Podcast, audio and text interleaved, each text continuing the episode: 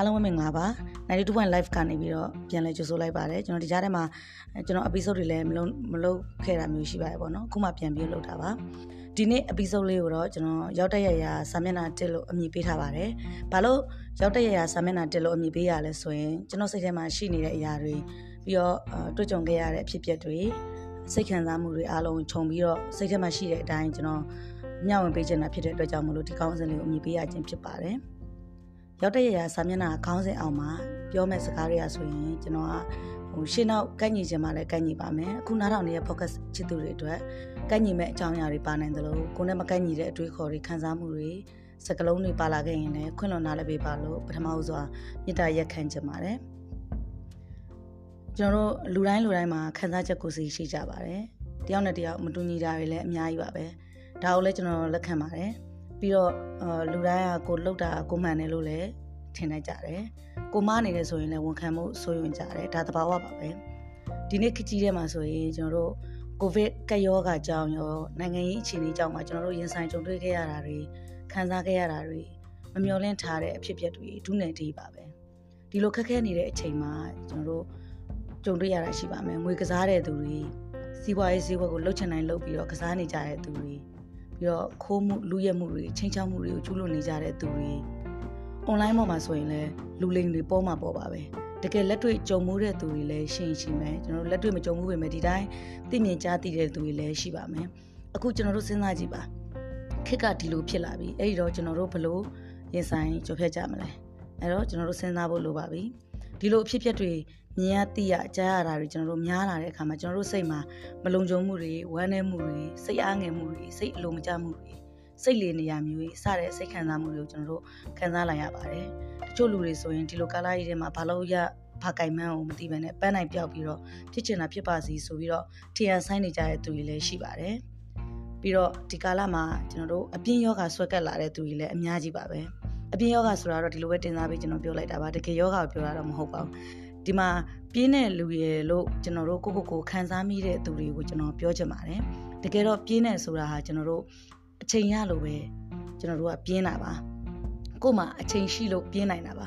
ပြင်းပြင်းနဲ့ကျွန်တော်တို့ကကြာလာတော့အပြင်းစိတ်ကို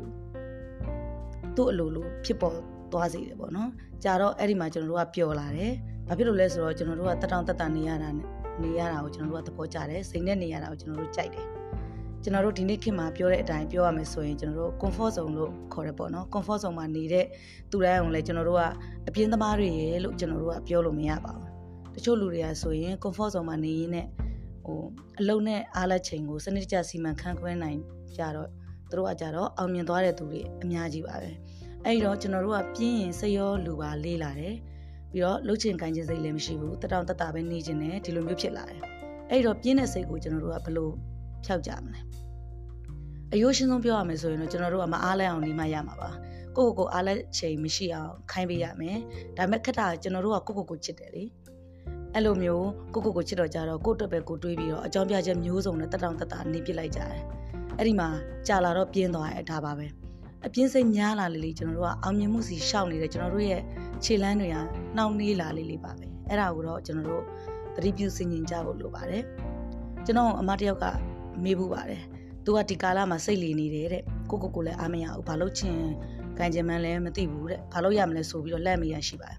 ဒီမှာကျွန်တော်ပြောချင်တာကတော့လူတယောက်မှာခံယူချက်ဆိုတာအရင်အရေးကြီးပါတယ်လူဆိုတာကိုခံယူထားတဲ့ဘဝအပေါ်မှာပဲကိုကိုယ်တိုင်ကအလိုလိုရောက်သွားတာမျိုးပါ စိတ်လေတယ်စိတ်ညစ်တယ်ဆိုတာကလည်းတကယ်တော့ကျွန်တော်တို့ရဲ့မိတ်ဆွေတွေလိုပါပဲနေ့တိုင်းကျွန်တော်တို့ကြုံတွေ့နိုင်ပါတယ်အဲ့ဒီမိတ်ဆွေကြီးကိုကျွန်တော်တို့ကပေါင်းသင်းတဲ့မှာကျွန်တော်တို့ဘဝမှာ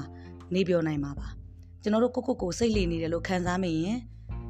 စာပတ်တာဝါသနာပါတဲ့လူဆိုရင်တော့ကိုစိတ်ဝင်စားတဲ့စာအုပ်တုပ်ကိုကောက်ဖက်လိုက်ပါဒါမှမဟုတ်ဝါသနာပါရတစ်ခုခုကိုကောက်လုပ်လိုက်ပါ